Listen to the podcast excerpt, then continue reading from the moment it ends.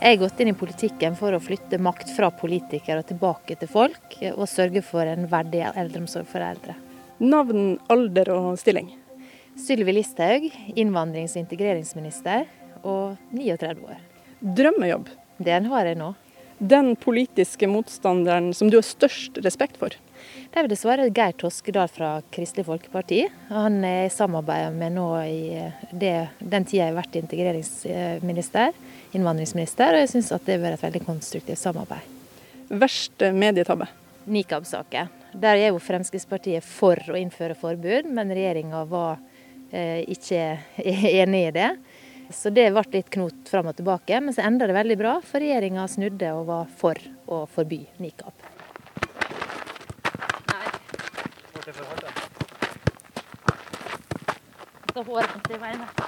Det tar litt tid før gamle kunster kommer tilbake, men det er tydelig at det sitter i beina. Sylvi Listhaug spilte fotball aktivt frem til hun var i starten av 20-årene. Har det nå litt i meg, da. Men det tar litt tid tror jeg, å komme seg opp igjen i, i uh, ordentlig driv. Prøv litt til, da. Ja, får prøve en gang til. Gammel og stiv, vet du.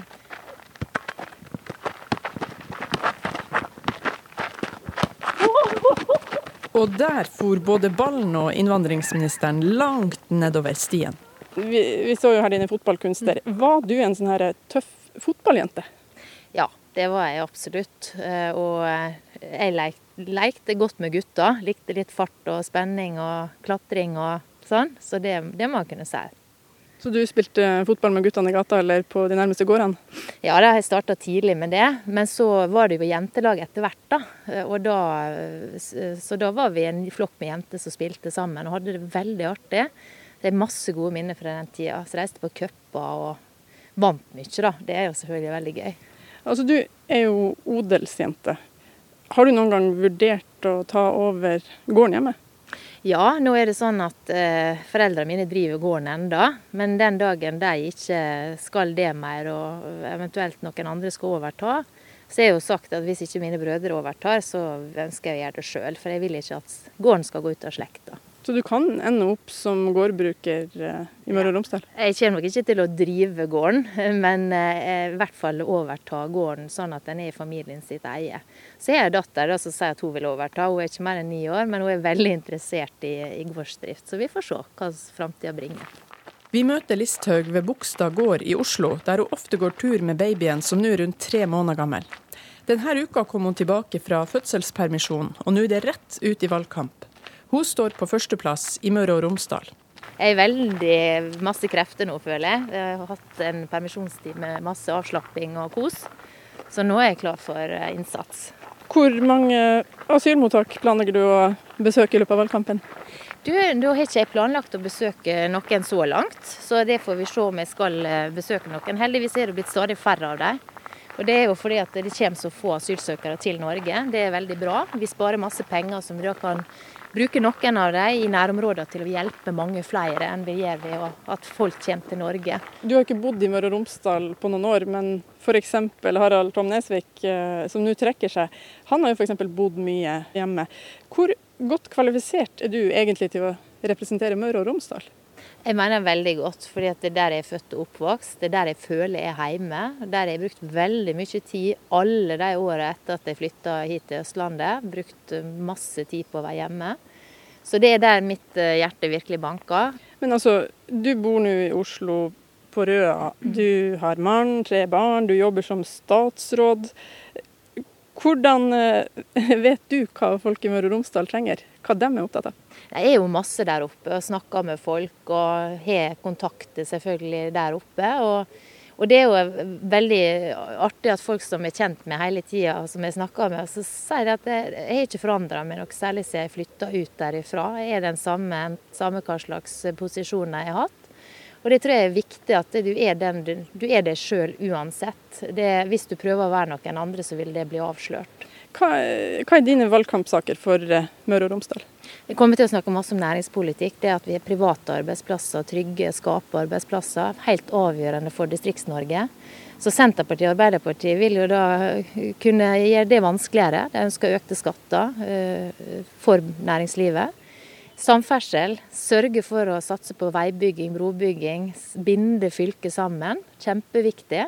Der har jo Fremskrittspartiet i regjering bevist at med oss så blir det en helt annen takt på veiinvesteringer enn med Senterpartiet og Arbeiderpartiet ved roret. Eh, helse er kjempeviktig, at vi har gode sykehus i hele fylket. Og innvandring er jo uansett viktig, så jeg kommer til å snakke mye om det også. Da forslag til stortingsliste for Møre og Romsdal Frp ble presentert, sto ikke Listhaug på førsteplass. Det gjorde derimot den lokale politikeren Frank Sve. Både Listhaug og landbruksminister Jan Georg Dale, som havna på tredjeplass, protesterte. Så kom saken om at Frank Sve han trekker seg, mens Listhaug og Dale kunne innta første- og andreplassen. Altså, jeg må bare spørre deg, Hvordan var det da Frank Sve fikk førsteplassen på lista fremfor det? Nei, men Det er jo sånn det er. Altså, det er et system som eh, gir fulle muligheter til det. Og så fikk man løsninger der oppe som gjorde at det, vi liste enda som den gjorde. Og vi er veldig gode venner. Det var vi før nominasjon, og det er vi nå. Så vi samarbeider kjempegodt. Og Frank Sve er en av de dyktigste politikerne i hele Møre og Romsdal. Men allikevel så får ikke han stå på stortingslista? Ja, det er jo sånn eh, det er, at vi snakker sammen og er enige. og vil samarbeide videre. Til det beste for partiet og Møre og Romsdal og alle sammen. Så vi er veldig gode venner. Men du liker ikke å stå på andreplass? Altså, det jeg sa før dette valget, var at hvis jeg skal stille, så må jeg ha sikker plass. For jeg er trebarnsmor nå. Jeg er nesten 40 år. Og det å kanskje ende opp som vara, eh, det, det hadde vært en veldig vanskelig situasjon.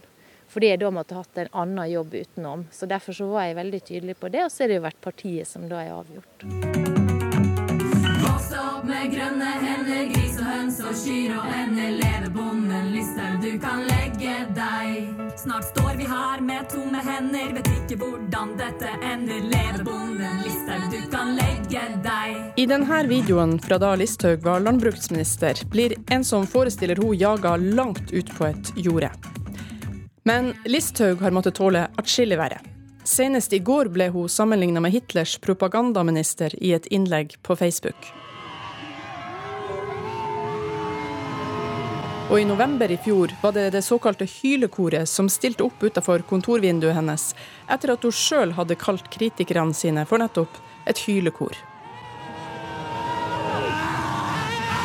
Hvordan takler du kritikk? Du, det har jeg levd med så lenge at det takler jeg aldeles utmerket. Eh, og jeg syns det er bra at vi kan ha en diskusjon og være uenige, men det jeg syns er bra, er jo også hvis vi kan ha en saklig debatt. For disse spørsmålene er veldig viktige. Og da eh, prøver jeg å bidra til at vi skal kunne ha det. Men samtidig ikke være redd for å ta opp de vanskelige spørsmålene. Vi kan ikke feie ting under teppet. Det de har gjort i Sverige, og vi ser hvilke tilstander som er der. Altså, Har du alltid vært sånn, eller har du blitt sånn? Nei, jeg tror at jeg nok alltid har vært ganske robust og tålt uh, mye. Og så har jeg vel uh, levd med det så lenge at det, det er blitt en livsstil, som jeg sier, å leve med kritikk. Jeg har aldri vært opptatt av å bli veldig godt likt av alle, men jeg har vært opptatt av å stå for det jeg mener. Så er det jo kanskje noen som lurer på altså, det her med konflikt. Hvor glad er du egentlig i konflikt på en skala fra én til ti? Det vil jeg, altså, en femmer. Jeg lever godt med konflikter, men ikke for, for, altså, for konfliktens skyld. Men fordi vi skal diskutere tema som er viktige, og som vi har forskjellige meninger i. Det mener jeg er kjempeviktig. Og det at velgerne også ser forskjellen mellom partier, at det betyr noe hvem du stemmer på, det mener jeg at vi som politikere har et ansvar for å få fram. Og da er det jo gjerne sånn at også mediene er mest interessert i der det er konflikt eller uenigheter. Men er du like glad i konflikt på hjemmebane? Nei, vi, er, vi lever egentlig ganske i fred og fordragelighet. Eh, og så er veldig sånn velorganisert på den måten at den som er tid, den gjør de oppgavene som skal gjøres. Så vi har ikke så mye konflikter. Det som er mest konflikt, er vel når det gjelder barneoppdragelse. kan du utdype her? Nei, jeg syns til at mannen min er litt for snill. Ja, så det diskuteres. Men ellers er vi veldig vel forlikt. Sylvi Listhaug var sosialbyråd i Oslo. Etter det var hun landbruksminister, men det er som innvandrings- og integreringsminister at hun virkelig har profilert seg. Vanligvis kommer det årlig rundt 10 000 asylsøkere til Norge. Det syns Listhaug er for mye. Men hvor mange mener hun Norge bør ta imot i året? Nei, Jeg vil ikke tallfeste det, men mitt mål er jo at det skal komme så få som mulig eh, asylsøkere. Og det er fordi at vi da kan frigjøre penger til å hjelpe i nærområdene. I fjor, pga. at det kom så få, så kunne vi bevilge eh, en halv milliard ekstra til nærområder. Til barn som lever i fortvilelse, fattigdom, som kanskje ikke får gå på skole, og som vi da kan gjøre en forskjell for. Så få som mulig til Norge, det er det beste? Ja. For det er ikke en utømmelig krukke. Hva skal man kutte da? Er det kreftmedisiner, er det skole, er det andre ting? Det er jo det er ett budsjett. Det må man velge hva man skal bruke på. Og Da ønsker jeg å hjelpe flest mulig. Og Det betyr hjelp i nærområdene og færrest mulig til Norge som asylsøkere. Hvordan bidrar du til å gjøre folk i Norge trygge når du snakker om svenske tilstander eller advarer mot det? Jeg mener det er kjempeviktig å advare mot det. Det er vårt naboland, og vi ser hva en hemlingsløs eh, innvandringspolitikk er ført til der. Av områder i Sverige der det ikke er trygt, der politiet knapt nok eh, tør å gå inn. Eh, og det, Vi vil ikke ha sånne tilstander her, og da må vi føre en ansvarlig politikk. Men eh, du svarte ikke på spørsmålet mitt. Hvordan bidrar du ved å snakke om svenske tilstander til å gjøre folk i Norge trygge? Ja, altså Det tryggeste er jo å sørge for at det ikke blir svenske tilstander. Og da må vi snakke om de vanskelige tingene. Vi må snakke om når det utvikler seg eh, gettolignende områder. Vi må snakke om kriminalitet. Vi må snakke om ungdom som detter på skråplanet og som har en atferd som ikke er akseptabel. Vi må snakke om politiets innsats i disse områdene. Vi må snakke om rett og slett det som er vanskelig. Radikalisering. Kjempeviktig å snakke om.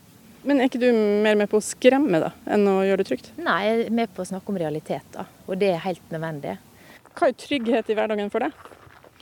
Trygghet er jo det at du kan føle eh, trygghet for at eh, trygt å gå på gatene, at uh, ting fungerer i landet, at vi er et samfunn der det uh, er mulig å gå rundt uten å føle frykt. Nå skal vi over til noe helt annet. Kontantstøtten. Uh, I 2009 så gikk du hardt ut mot dem som ville fjerne kontantstøtta. Og så sent som 30.07 i fjor så forsvarte du kontantstøtta, men nå så er du skeptisk. Hva er det som har skjedd? Vi ser jo det at det er integreringshemmende, og at en del som mottar den, eh, da blir stående utenfor eh, arbeidslivet, dette lasset. Men så ikke du det tidligere? Jeg setter veldig mye eh, tydeligere nå i den jobben jeg har nå. og Derfor så mener jeg at man burde stille mer krav til de som skal motta den type ordninger. Vil du bare stille strengere krav, eller vil du fjerne den? Vi mener jo det at det, det er, altså en kontantstøtte er, er, bra for mange, for det gir jo valgmuligheter. Men det er jo denne misbruk, eller kan du si bruken av den som hemmer integrering, som er viktig å komme til livs. Så du vil stille strengere krav, ikke, ikke fjerne? Ja, stille strengere krav det er noe av det som er viktig. Senterpartiet har gjort det veldig godt i Møre og Romsdal, mm. og har vært jevnstore med dere. Hva skal du gjøre for å ta opp kampen med dem? Nei, vi må jo vise hva betydning eh, deres politikk vil ha. De skal samarbeide med Arbeiderpartiet, som vil øke skattene for næringslivet. Møre og Romsdal er et av de største eksportfylkene i landet. Det betyr at uh, våre bedrifter kommer til å få økt skatt, eller personene som eier dem. Det vil jo gi færre arbeidsplasser og ikke flere. Og Derfor så tenker jeg at er man opptatt av distriktene, glad i distriktene, så er vi avhengig av et sterkt næringsliv, og da bør man ikke stemme Senterpartiet. Fordi de ønsker da å, å skattlegge hardere. Men akkurat det med skattelette for bedrifter. Dere mener at skattelette gjør at flere investerer i norske bedrifter. Har du konkrete bevis på at det her ene fører til det andre?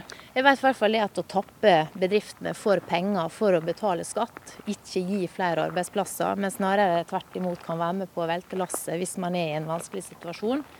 Så det er det siste næringslivet trenger. Vi trenger de som nå investerer i arbeidsplasser istedenfor. Du er jo til stede i en del kristne sammenhenger, du legger ikke skjul på din kristne tro. Har du noen gang vurdert KrF fremfor Frp? Aldri. Og Det henger jo bl.a. sammen med at eh, innvandringspolitikk Jeg syns eh, at ikke de ønsker en, en strammere linje på det. Tenker litt mer langsiktig hvilke konsekvenser det har for landet. Eh, så nei, det har jeg aldri vurdert. Og så lurer jeg på, Hvordan kommer du til å feire 40-årsdagen din? Du vet, eh, Jeg er veldig dårlig på å organisere sånne ting. For det er noe som jeg ikke gidder å bruke tida mi på. Så vi får se om det blir noe i det hele tatt. Jeg har ikke feira bursdag på veldig mange år. Hvordan slagord har du valgt deg ut?